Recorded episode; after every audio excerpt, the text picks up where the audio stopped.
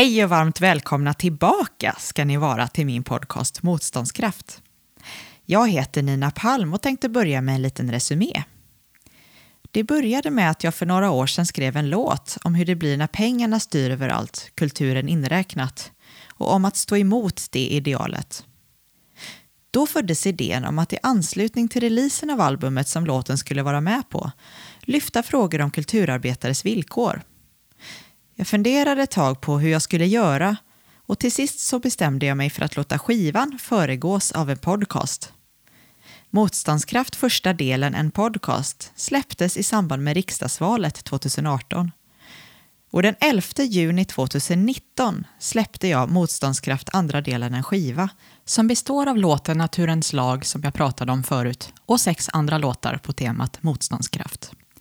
Istället för releasekonsert så gjorde jag den 11 juni en politiskt oberoende aktion för att uppmärksamma kulturpolitikens betydelse för frågorna som jag lyfter i podden.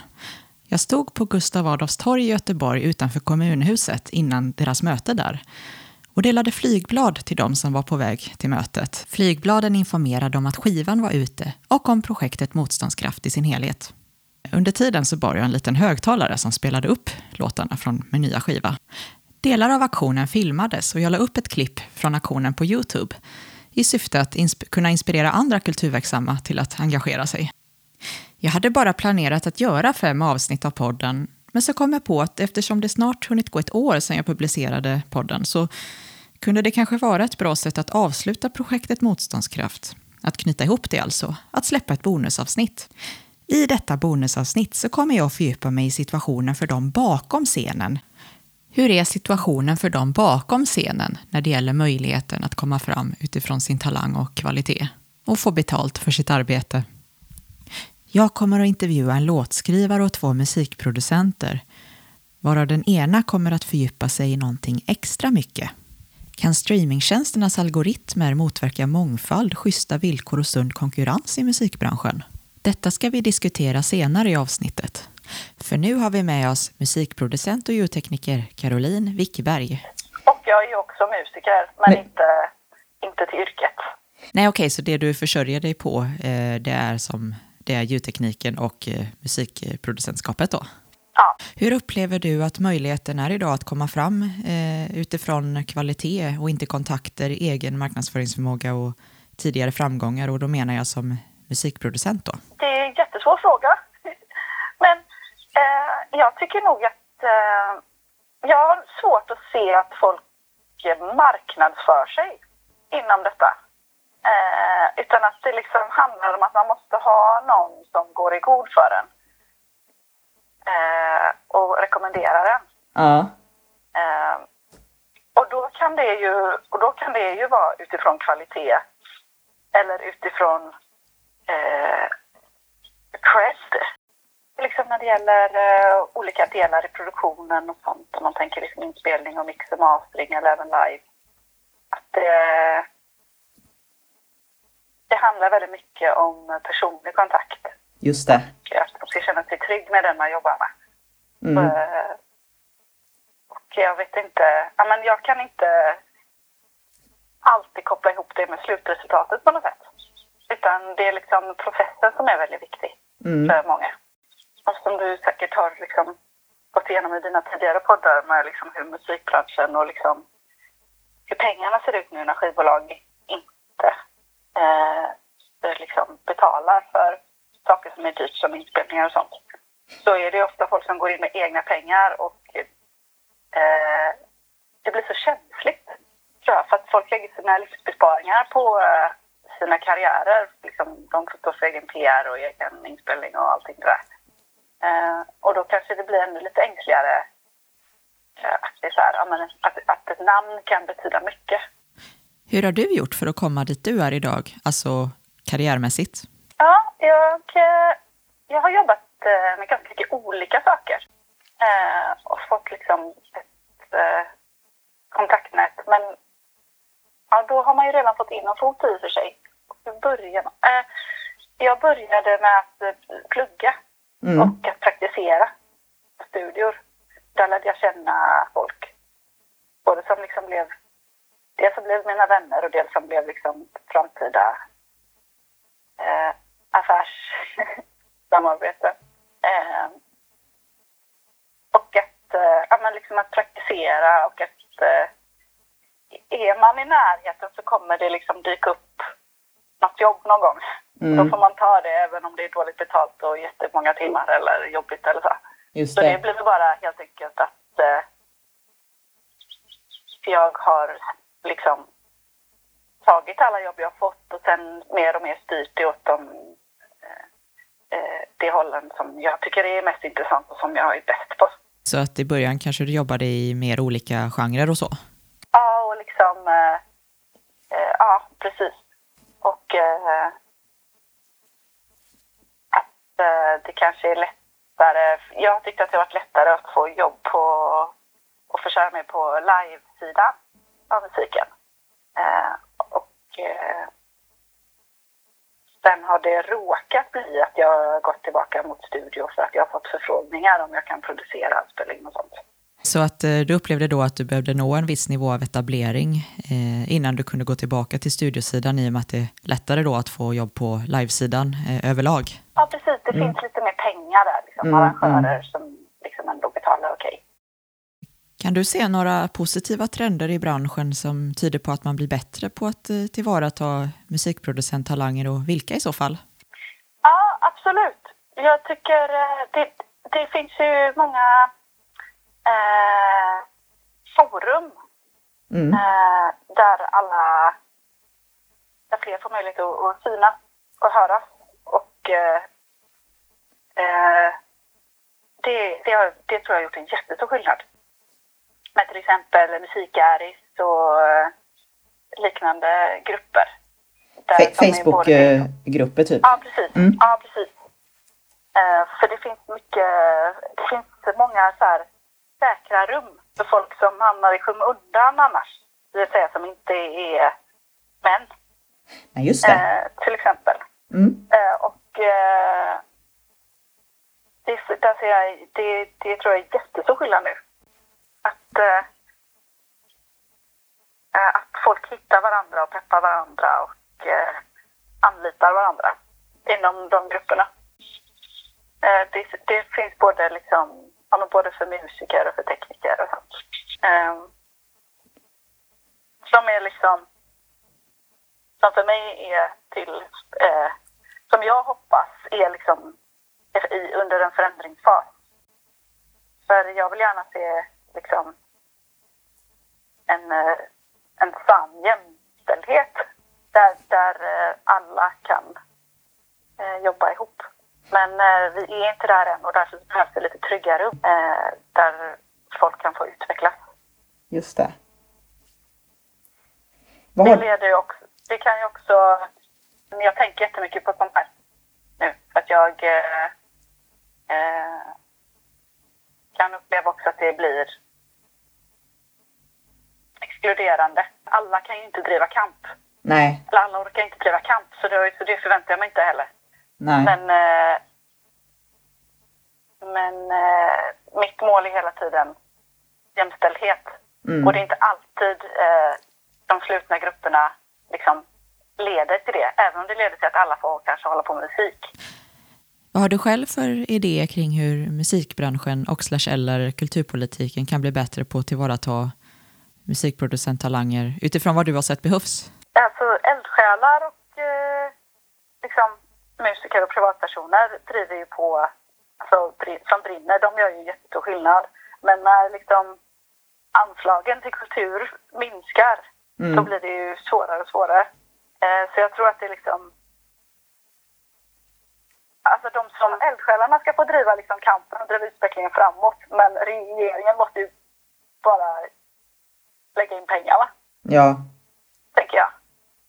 Ja men kulturskolor, eh, kan fortsätta utvecklas och liksom allt det där. Hur upplever du att situationen är för kvinnor och transpersoner som skriver och producerar musik? Eh, jag tror att den är, är, Situationen är god i de slutna rummen och svår i, ute i öppna samhället. Tror jag generellt. Ja, i praktiken så eh, finns det otroligt mycket fördomar och ofta höra historier om folk som är inte i män som inte blir tagna på allvar och folk kanske inte ens tror på dem när de säger att de försörjer sig som producenter eller musiker och låtskrivare och sånt. Att det liksom att det är så otroligt svårt för folk att förstå att det kan vara så och Ja. att det är så. Ja. Eh, det känns nästan som på låtsas. Men, eh, och att det är som att vi måste ha kommit förbi den biten eftersom det har funnits så många exempel på att det kan vara så. Att eh, någon som inte är man kan eh, vara producent till exempel. Just det. Men ändå så när folk liksom i sin vardag träffar en producent som inte är man så får de chocken liksom och kan inte tro det. Nej. Kan liksom inte tilltala personen och kan inte liksom måste ta första bästa man nästintill och fråga den istället om liksom saker som skulle tillfrågas producenten. Sådana exempel får jag här väldigt, väldigt mycket. Men jag tror att det är också att de exemplen blir så starka för att de är så otroligt sårande och, och liksom förminskande. Mm. Och eh, jag hoppas att det inte är liksom varje dag som folk utsätts för detta. Nej. Nej, det får man ju verkligen hoppas. Jag tror vi är väldigt mycket i en föränd- förändringsfas. För att det är liksom just det här med med exemplen. Det är så konstigt tycker jag för att det är så här att inte folk har kommit längre i sitt jämställdhetstänk. Att det fortfarande liksom krävs exempel på typ kvinnliga producenter. Här. Ja, precis. det kvinnliga Ja. producenter? Man bara ja. Och då vill folk ha exempel liksom. Eller för att annars kan de inte tro det. Jag har tänkt på en grej som, eller som jag tänkt på väldigt nyligen. Mm. Att eh, jag jobbar i en studio. Och det flera studior igen. Och eh, jag tycker när, vi, när jag ser våra olika kunder. Jag är, jag är den enda tjejen i huset. Mm. Och eh, nästan alltid när det kommer en, eh, en tjej in i huset så är det en kund till mig. Ah, okej. Eh, så att eh, tjejer kommer till mig och vill spela in. Ja, Liksom. För att de inte vill spela in med killar. vad intressant. Eh, ja. Eh, och jag tror att men det är lätt att börja fundera för att som, som kvinna i en mansdominerad dominerad bransch är det lätt att känna sig väldigt inkvoterad. Mm. Eller det är så svårt att veta vad är min kvalitet och vad är mitt kön och vad är folks fördomar och vad är folks andra fördomar. Liksom så här, varför folk kanske skulle vilja att inte anlita mig och varför folk vill att anlita mig. Eh, Just det. det finns mycket att fundera på. Eller så här, det kan man aldrig veta. Nej. För folk, vissa, vissa väljer ju alltid män för att de alltid har gjort det. Mm. Och vissa vill absolut inte jobba med män. Nej. De tycker att de har dåliga erfarenheter av det. Så det finns två sidor av det fördomsmyntet. Ni har hört Caroline Wickberg, musikproducent och ljudtekniker.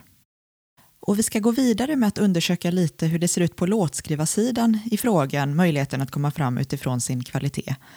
Och för första gången i den här podden så ska jag ha med en person som jag faktiskt känner sedan innan, min egen farbror. Jari Kojan så heter han. Och han är bland annat verksam som låtskrivare åt andra artister. Till exempel så tävlade han i Melodifestivalen 2014 med låten Raise Your Hands som framfördes av gruppen Amotrack. Jari, vi börjar med första frågan här. Eh, hur upplever du att möjligheten är idag att som låtskrivare då komma fram utifrån sin kvalitet och inte kontakter, egen marknadsföringsförmåga och tidigare framgångar? Jag kan uppleva att den är ganska begränsad om man inte har kontakter. Det, det, det är det korta svaret. Så är det. För att det, är allt, det mesta bygger på kontakter idag. Så Ja. är det. Ja. Och att bygga, bygga upp sin egen fanbase. Det tror jag är det det handlar om. Att ha, det, det är ett ständigt arbete med att nätverka, nätverka, nätverka. Och sen måste man hitta människor som tycker att ens grejer är bra. Att man kan få spridning på det. Det är det, tror jag. Hur har du gjort för att komma dit du är idag? Eh, jag har... Jag jobbar ju med det här på heltid ett tag. Jag höll på att spela i olika band och sådär. Och, eh, men det är det som ger alltid som, som ger frukt, det är att hitta, hitta människor som lyssnar på en Mm. och är konstruktivt kritiska. Inte sådana som är ryggdunkande och säger vad kul att du håller på. Mm. Utan mer är konstruktivt kritiska samtidigt som det är deras tycke som, vad de tycker som styr dem förstås. Och, eh, och sen hitta, vad ska man säga, man försöker hitta en symbios av mötena på något vis. Så att det är ett givande och tagande hela tiden. Och där har jag jobbat hela tiden kring det. För att när man mår som sämst, då skriver man som bäst. Ja. Nej, men det är faktiskt så. Och, och, det, det är tacksamt att kunna ha en kanal och kunna skriva ut ifrån. Så. Mm. För mig har det varit så. Och, så. och, och ibland så när jag, skriver, när jag mår skitbra så kan jag också skriva bra grejer. Men bara att man är i en känsla. Tror jag, det, det tror jag är jätteviktigt. Kan du se några positiva trender som tyder på att man blir bättre på att tillvarata talanger i branschen och vilka i så fall? Och då tänker jag specifikt på när det gäller låtskrivare då. Ja, för att det, det är ju så. Eh, jag upplever att det är mer av det här camps nu. Ja, sådana här äh, låtskrivarcamps. Ja, ja. Att det är ett gäng på fem, tio personer olika, som sitter i olika studios och jobbar. Eh, så där tror jag eh, det tas vara på mycket mer talanger idag. På en känsla av det i alla fall. Samtidigt så måste ju du på din egen kammare ha gjort någonting så att du ska komma med i det här campet. Så, så att de ser att du har en talang i det. För att har du någonting som tillför någon annan, då vill ju den personen ha det förstås. För att du ska kunna gå vidare till en tredje part som kanske har det, det där som ni två inte har. Liksom. Eller om du förstår. Så, att, Mm. eh, så det, det tror jag att man tar vara på talanger på det sättet mer idag. Hur kommer man med i de här äh, låtskrivarcampsen? Det, det får man... Man får höra av sig till... Alltså, sk- skivbolag och förlag har ju väldigt många sådana här camps har jag sett. Eh, och sen har jag varit med i några också själv. Och, och sen kan man ju ordna sådana själv med andra också. Så att nu syns vi i tre dagar över en helg här och sitter och skriver bara och ser vad det blir. Hur tas man upp i de här äh, låtskrivarcampsen som anordnas av skivbolag och förlag och sådär? Det, först måste du nog skriva, eh, först måste du kanske ha någon typ av, vad ska man säga, personligt brev eller en personlig låt. Någon låt som du skickar till de här. Du, jag skulle vilja vara eh, med i något sånt här camp. Det här har jag skrivit och så och så och jag vet inte riktigt hur jag ska ta mig vidare. Och då, på det sättet kan man kan ju ställa den frågan rakt helt enkelt. Jag har någonting men jag vet inte hur. Vad har du själv för idéer kring eh, hur musikbranschen och eller kulturpolitiken kan bli bättre på att tillvarata låtskrivartalanger Eh, utifrån vad du har sett behövs? Ja, jag, jag tror att det behövs mycket mer, typ sådana här camps, det behövs mer, mer kontaktytor för det här. Till exempel som Kulturskolan och sådant, de har ju väldigt mycket, du ska lära dig olika instrument och du ska lära dig det här. Det där, där skulle de kunna, kanske kunna ha, och det vet jag inte, kanske vissa har redan, men där skulle de kunna ha sådana här camps också. Där du bara kanske, du kanske är en jäkligt bra textförfattare helt enkelt, eller du är en bra. Eller, att jag, jag tror att det är jätteviktigt att man fångar upp på det sättet istället. Att man bara har, måste vara suveränt bra på allting. Och då behövs det kontaktytor. Och det där kan kommunerna eller vad det må vara, kommunala, kommunala musikskolan eller någon, göra det på lite annat sätt än man gör idag. Sen har du ju alltid möjligheten själv att hitta communities på Facebook eller på Instagram var det är. Jag skriver sån här musik och söker det fram förstås. Så det är ju en helt annan marknad för just eh, lansera sig själv idag förstås. Mm. Men, men, men det krävs väldigt mycket för att det är ju så många, många, många låtar som kommer ut. Mm. Sen ska man ju fråga sig, vad är syftet med det jag håller på med? Just det. Varför håller jag på? För jag tror det att vet varför, att ja men jag gör det här för att jag tycker det är lite kul, eller jag gör det här för att jag vill bli världsstjärna, eller jag gör det här för att eh, jag vill ta mig till nästa steg bara, eller något. Så att syftet är superviktigt och då måste alla som man jobbar med, tycker jag, ha typ samma inställning. För det är då det kan bli bättre, tror jag. Mm. För om du sitter med några som tycker att ja, men det här, vi gör några låtar för byrålådan här. Eller vi gör några låtar som vi vill att världen ska se. Det blir nog en skillnad i de grupperingarna tror jag. Jag tror verkligen, det finns talang men det är att folk inte vågar. Mod, mod är jätteviktigt i det här. Att våga. Absolut. Och inte vara, att inte vara bitter, för det tror jag inte heller på. Nej, nej. För det, det är bara, det, det funkar inte. Men det kanske, också, det kanske man också kan motverka genom att man vet sitt syfte. Ja, syftet är det superviktigaste, tycker jag i alla fall. Mm. Ja, när jag har skrivit, då vet jag, ja, den här låten, den ska till det här stället. Ja, men då vet jag det. Och har man ett koncept kring allting det man jobbar med, då får du en helhet och då får du en helt annan struktur på hur du ska jobba. Ni har hört min farbror Jari Kojanso. Vi har nu en intervju kvar i detta bonusavsnitt. Det sägs att skivbolagens fall har demokratiserat musikbranschen. Men kan det vara så att detta bara stämmer till viss del eftersom maktobalansen förflyttats? Detta ska den sista intervjun i detta bonusavsnitt handla om. Marius Alexander Forselius producerar yogamusik under artistnamn Dr. Sounds och är också utbildad datorkonsult och har ett stort datorintresse. Detta har tagit henne in på Spotifys åtråvärda topplistor och givit en stor insyn i hur Spotifys algoritmer fungerar. Marius, Spotify vill kontrollera vilken musik vi får höra. Berätta.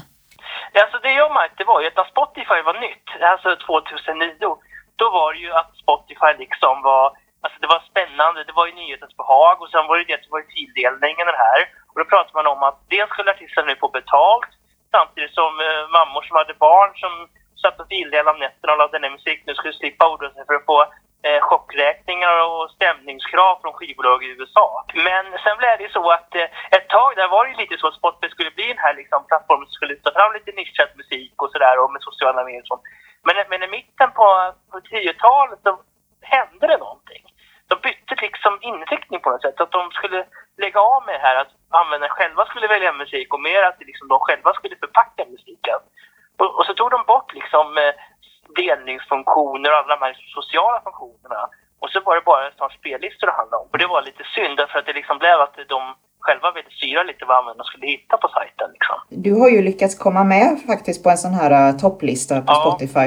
Berätta hur det har gått Ja, till. det är det jag har gjort under de här åren då. Men det har varit jävligt jobb för att jag har ju liksom, kan man väl säga, gjort lite ungefär som en hacker. Fast istället för att flytta 15 miljoner från, eh, mitt, från någon annans konto till mitt konto så är det väl mer att jag liksom, kan man säga, researchar och så, det tar väldigt mycket tid från mig. Och det har liksom även äventyrat andra grejer i mitt liv också liksom. Att det tog tid från jobbet och sådär liksom, och skolan och sådär. Så att, Ja, just det. Men, men du säger att det var liksom lite av ett eh, detektivarbete och då handlar det liksom inte om att få folk att upptäcka din talang utan det var andra eh, grejer som... Ja, dels att det, dels då att liksom, alltså, så att säga, få rätta personerna att hitta min musik, att passa in i algoritmer och sånt. Och liksom att, eh, alltså, för vad man gjorde var ju att man skulle annonsera längd på låtar och sånt. För att eh, man, alltså, man var inne och kollade på listor, hur såg de här låtarna, strukturerna ut på låtarna? Alltså man fick göra liksom en slags research, alltså hur, hur de är uppbyggda för att de liksom ska bli hittade av de här legendatörerna. Och sen skulle man liksom så att säga då hitta rätt timing till exempel när låten släpps. Så att att om det var till exempel några dagar innan låtlistan uppdaterades och låten kom med, då var det större chans att den kom på en lista än om den har kommit med dagen efter. Okej. Alltså det är lite så här, vad ska man säga, brute force, kan man säga, ungefär som i bitcoin. Så att det gäller liksom att hitta rätt, vad säga, lucka. För att det det handlar om är att, att de ofta tar in alltså låtar som kommer in vid viss tid. Alltså, för det verkar som att de har vissa, så att säga, beats eller, alltså så att säga, till exempel då att de har ett kluster, att de känner av att nu behöver det bytas låtar. Om det då kommer in nya låtar precis då som liksom matchar de här kriterierna, då är det större chans att de kommer med på listan. Spotify får väldigt mycket makt över musiken. Det också gör det att låtarna som skapas blir väldigt likadana just för att de tror att de ska få högre chans att komma på listorna menar de då. För man märker det när man hör låtar att det är liksom samma toner och samma tonarter och sånt just för att de vill och det säger de att Spotify förstör lite av det hela kulturella systemet. Därför att Spotify liksom blir den här så att säga de, de liksom, deras algoritmer liksom nästan sätter upp ramar osynligt för hur allting ska se ut. Va? Ja, och det gör det. att det blir nästan ungefär som, att, ungefär som en industri. Va? Man tillverkar lika stora bussar, lika stora bilar hela tiden. Va? Det blir ingen, liksom, ingen variation riktigt. Så de menar på att det kan göra att hela kulturen blir ganska dålig. Okej, ja. Så, så att eh, för att tala klarspråk då så handlar det lite om faktiskt att man ska ha ett visst sound då? Ja, det är det det handlar om då. Ja. Och det som var grejen var ju då att, att de ofta så att säga, vill ha en viss typ av instrument och sånt här liksom, på något sätt tror jag. Och väldigt mycket att det liksom kommer in på listorna. Att det för att, men i början var det mycket också att jag jobbade mot deras aktörer och sådär liksom på Spotify då. Ja, okej. säga.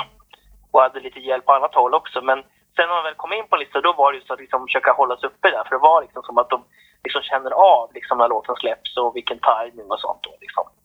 Det jag menar är att det känns ju som att just att det blir det här liksom, det är det här svarta boxen man på något sätt. Att du har inte längre, så att säga, det är ju lite som att du vet inte längre. Alltså för förut är det ju att du ska attrahera en fysisk publik. Men idag är det mer att du ska lura en dator eller så att säga, ja, det är lite ungefär som du ska liksom så att säga, vad heter det, ta in och flytta pengar på banken liksom, eller hur? Att du måste liksom komma igenom alla säkerhetskoder liksom. Du övervägde ju att vara anonym i den här intervjun. Vill du berätta varför? Ja, jag tänkte att de kanske skulle bli sura att jag liksom på något sätt röjer lite av deras idé liksom, när jag pratar om det här och så. För att det var någon som, för det var nämligen så att jag, var, jag hamnade på en lista som heter Sleep för några, några år sedan. Ehm, och då var det samma sak där, att jag hade lagt upp att jag kom med på listan på något sätt, men att jag visade hur, liksom min, hur, hur mina intäkter eller så liksom gick upp då. Och då var det någon som sa till mig att det var därför man hade tagit bort det, så jag vet inte liksom. Det var så här massa rykten och grejer. Det blir liksom... Och då, det de pratade om nu, det var ju också att de här låtarna som ligger på listan, att många av låtarna också kommer från sådana här produktionsbolag. Okej. Att mycket av musiken som ligger, att det inte är riktiga artister utan att det är vignetter och sånt som de lägger in. Alltså vignetter till de här, så att säga, låtarna. Det vill säga alltså att de, till exempel då, Epidemic Sound var det diskussion om att det var såna här jinglar till tv-program de la in då. För att då var det rykten om att de på så sätt skulle slippa betala STIM för de här låtarna. För att om man ska välja kanske mellan så säga, en hiphoppare och en rockperson så är det mera vad han för publik. Han spelar på stora arenor har han liksom bra skivbolag och sånt. Men här är det ju väldigt svårt i och med att det är liksom abstrakt musik. Va? Och då Mm. blir det ofta mycket liksom godtycke att man väljer det som kanske då kommer från ett produktionsbolag. Liksom, för att det Ja, det. känns lättast. Jag vet inte riktigt liksom. Och det är det jag menar att de smala genrerna försvinner lite då. Det var prat om det även, det var lite upphovsrättsfråga också för att i listan står inte vem som har gjort verket utan bara artist, ett låtsasnamn och Ja. liksom albumet va. Och det är det de menar på då att artisterna som har lagt ner tid, de får inte heller någon credit på det sättet. Nej, på listorna. Nej. Och det var det de pratade om då, att då försvinner artisten bara i mängden. Och det är där problemet då kommer till att, jag- att ja, det står på Spotify att det är 61 000 lyssnare, men det är inga lyssnare egentligen. Det är, Nej. bara, det är egentligen bara streams det handlar om. Så att det, det är det jag menar, att det blir inga riktiga siffror. Jag tror att det är ungefär kanske 200 som lyssnar liksom kanske, liksom, som jag skulle ha kvar om jag försvann, försvann från listorna. Ja, just Så det det. är ju inga fans jag har egentligen, utan det är ju bara de här listorna. Ja. Och det är det jag menar, att det blir så utskört. Därför att ändras en algoritm då försvinner på listan, och då försvinner alla intäkter också. Men det blir inte liksom samma grej som de kanske så att säga hade om de hade hamnat på liksom, hade en riktiga fans. För att det är ingen som delar vidare. Va? Så det är det som gör då att det blir så svårt att konkurrera på något sätt. Då. Jag vill bara säga det, att jag kom med på en lista en gång på ett M-år. Då hade jag ungefär 68 000 streams på en dag, hade jag. Eller 20 000 tror jag det var. Och sen när jag försvann från listan, då var jag nere i kanske 3 2 3. Så det blir ju egentligen ingen effekt. Det blir ju bara uppumpat då, på något sätt. Det jag vill säga är att ibland handlar det inte bara om hur hög ersättningen är, utan också varaktigheten och förutsägbarheten. För jag tycker att, jag säger så här, hellre så tar jag mindre ersättning som jag känner att det här kan jag styra under några år, än att jag tar på en jättehög ersättning som bara försvinner. För när jag jobbar som datakonsult till exempel, då vet jag att jag gör ett bra jobb. Då får jag mer jobb. Ja, Då är jag inte orolig för pengarna. Men Jag kan göra bra musik som helst men ändå eh, försvinna från lista va. Och sen så har jag inga mer pengar va. Så det är det jag menar att jag vill ha, alltså jag vill ju att mina pengar ska kopplas till min prestation. För Ja, annars så känns det som att det bara, annars skulle jag lika gärna kunna spela på Trister istället va. ja just det. Ja. Men så säger de att det är i många branscher också. Så är det ju normalt också. Alltså vi, istället för att vi köper närproducerat dyrare mat så blir det att vi köper billig skräpmat som har tillverkats och ja, vi blir feta och vi får dåligt blodtryck och ja, just det. där. Ja. Och det är lite samma sak, att det blir en slags fetma kan man säga med de här listorna. En slags Mm. musikalisk fetma. Att Ja. vi bara liksom samlar på oss massa siffror och algoritmer, men det blir egentligen inget betydelsefullt. Bara en massa fett egentligen som ligger runt magen. Ja, precis. Ja. Jag menar, att jag, jag menar, det blir lite så med just den musikbranschen, det blir ungefär som med skräpmat, att det blir tomma kalorier. Va? Det blir egentligen ingen så att säga nytta av. Det var ju en artist som ingen visste om på Spotify som hade 100 miljoner streams. Okej. Okay.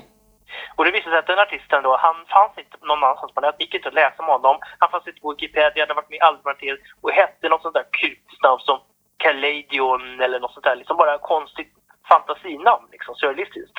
Och bilden är bara liksom på en fluga, eller hur? Okej. Okay. Och pianostycket är på tre minuter, liksom repetitivt. Och de har liksom 100 miljoner streams. Så det visar att bara för de ligger det stycket på ett par spellistor på Spotify som har 2002 miljoner följare. Liksom. Ah, Okej. Okay. Det går inte ens att veta vem som har gjort stycket. Det finns inget namn, det finns ingenting på det. När det är riktiga artister är det bara där bara för att Spotify ska tjäna pengar. Ja, just det. Ja. Och samtidigt då som det finns massa bra artister som Alltså, vi pratar om, jag har sett artister som varit med på TV som har liksom varit etablerade medier. De kanske bara har 14 följare på Spotify. Ja. Men som liksom aldrig får komma med. För att eftersom de inte har någon följare har de inte heller någon rank då. Och kommer inte heller in i algoritmerna på något sätt. Så det blir det här liksom att de som inte har liksom de här ingången till systemet, de kan inte liksom komma in hur bra de än är nästan. Nej, precis. De, de blir liksom utsorterade på något sätt. Ja, och det menar jag ju då att samtidigt har vi de här bolagen då som är Muse, de här som då lockar ungdomar att lägga upp sina musik på Spotify då. Men då undrar jag liksom, vad är det för meningen då att de tar in allt innehåll när de ändå inte tänker hjälpa till det? För jag menar, har, de ska ha 10 miljarder låtar vad de nu har på Spotify. Men de säger själva att det bara kanske är 10 procent som blir lyssnade aktivt på. Och då undrar jag, varför, om då går varför ska de då ta in allt innehåll om det ändå inte är till nytta egentligen? Eller? När det bara ändå är de här låtsassångerna som ska spelas. Det menar blir lite förtroende med eller hur? Det är ja. att du har en affär va? och sen har du ett jättelager under 300 meter under jorden tar ni in alla varor som kommer in, eller hur? Ja. Men de ligger i ett lager under jorden dammar. Ja. Medan det är bara de, liksom, några få varor som syns i butiken. Va? Ja. Och så betalar man en jättehyra på det här sen. För att ha det här lagret under, under marken va? som ingen använder. Då tycker jag det är bättre att de kapar kostnaderna och, och då tar in det som de verkligen kan hjälpa till istället för att de har en massa låtsasmusik som då stjäl massa utrymme från de riktiga låtarna menar jag. Artisterna behöver få, få liksom se, alltså artisterna behöver få den här, de behöver också känna att de också är med och vet vilka spelregler som För det är Spotify sitter ju på mer data än vad artisterna har. Det är det Spotify, för att Spotify kan ju se mycket djupare i vilka som fungerar och skapa listor på ett annat sätt än vad en artist kan göra. Så de, de stör liksom konkurrensen på något sätt därför att de liksom alltså, kan sätta, de kan sätta, artisterna får bara se det lilla, lilla, lilla men de kan själva veta hur de ska göra för att få dem på listorna. Ja, det blir det här liksom att Spotify på något sätt skapar någon slags form av lotteri nästan. Det blir liksom bara en slumpgrej det här. Ja, precis. Att, vem är det som hur gör man? De pratar mycket om det här att man ska liksom, men det enda är att man vet inte riktigt för att just det här att användarna inte heller, att användarna uppmuntras att lyssna på det som Spotify bestämmer istället för att användarna själva kan söka musiken. Det är det jag menar. För att, för att de pratar ju om att till exempel att skivbolagen har inga egna, för att man pratar ju om att artisterna har ju artistsidor. Men jag tycker även skivbolag och kompositörer bör få egen artistsida där, de kan liksom, där man kan bläddra genom labels och sånt då. Men det är det de har tagit bort. Så nu kan man bara liksom bläddra det är deras egen selektion. Det är det jag menar. Att Precis. Spotify skapar mera liksom, makt än vad sina kunder har. Liksom. De köper ju upp typ alla de här sajterna som då använder data. Econest och blockchains och det här. De köper ju upp allt det där bara för att de själva vill då, så att säga, äga det liksom. Men, men de köpte ju upp den här Soundtrap. Ja, precis. Ja. Nej, jag tycker det är lite för långt att gå nästan. För det är det här med vertikal När man köper upp alla underleverantörer och allt, då undrar jag om det faktiskt kan vara lagligt.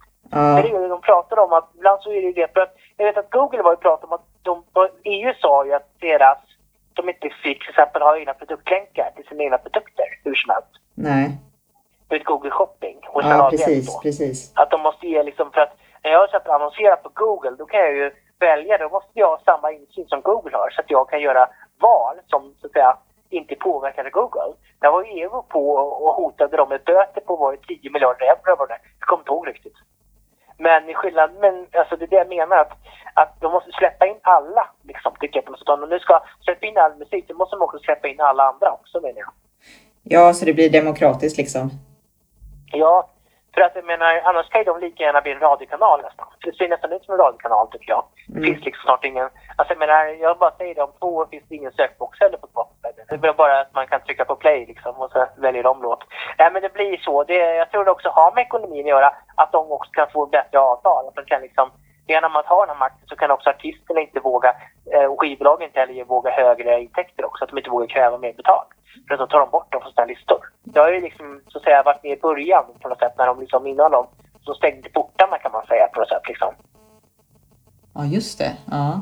Men nu finns ju inte de där bakvägarna in liksom längre. Nej. Eftersom det är liksom så många va.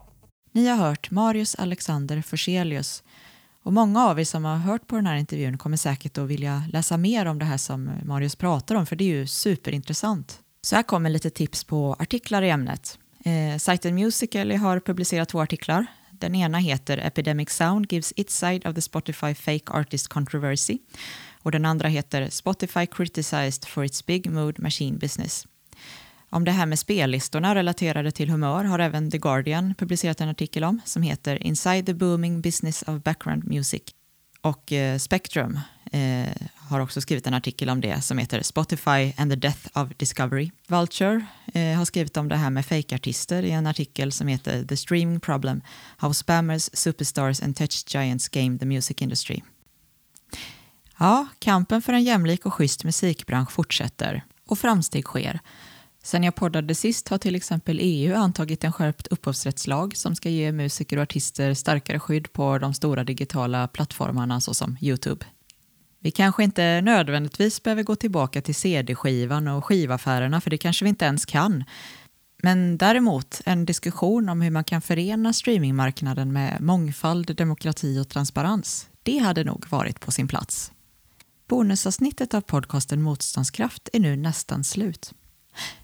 Innan vi slutar så ska jag ta er tillbaka dit allting började med låten Naturens lag som som sagt finns med på skivan som jag släppte den 11 juni och som finns på Bandcamp och på den nystartade streamingtjänsten för independentmusik Limelight Music. Tusen tack för att ni har lyssnat.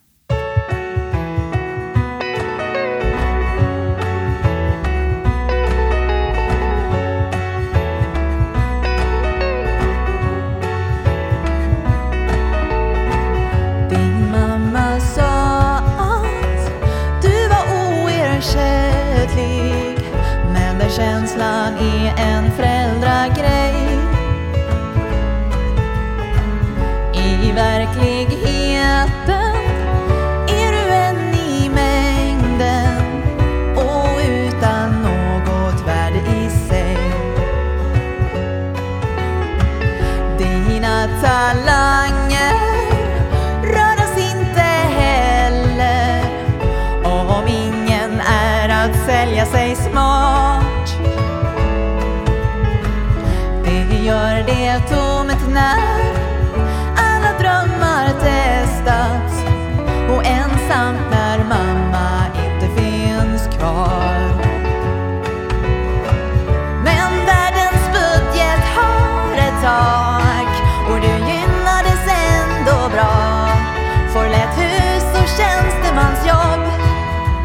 kollektivavtal,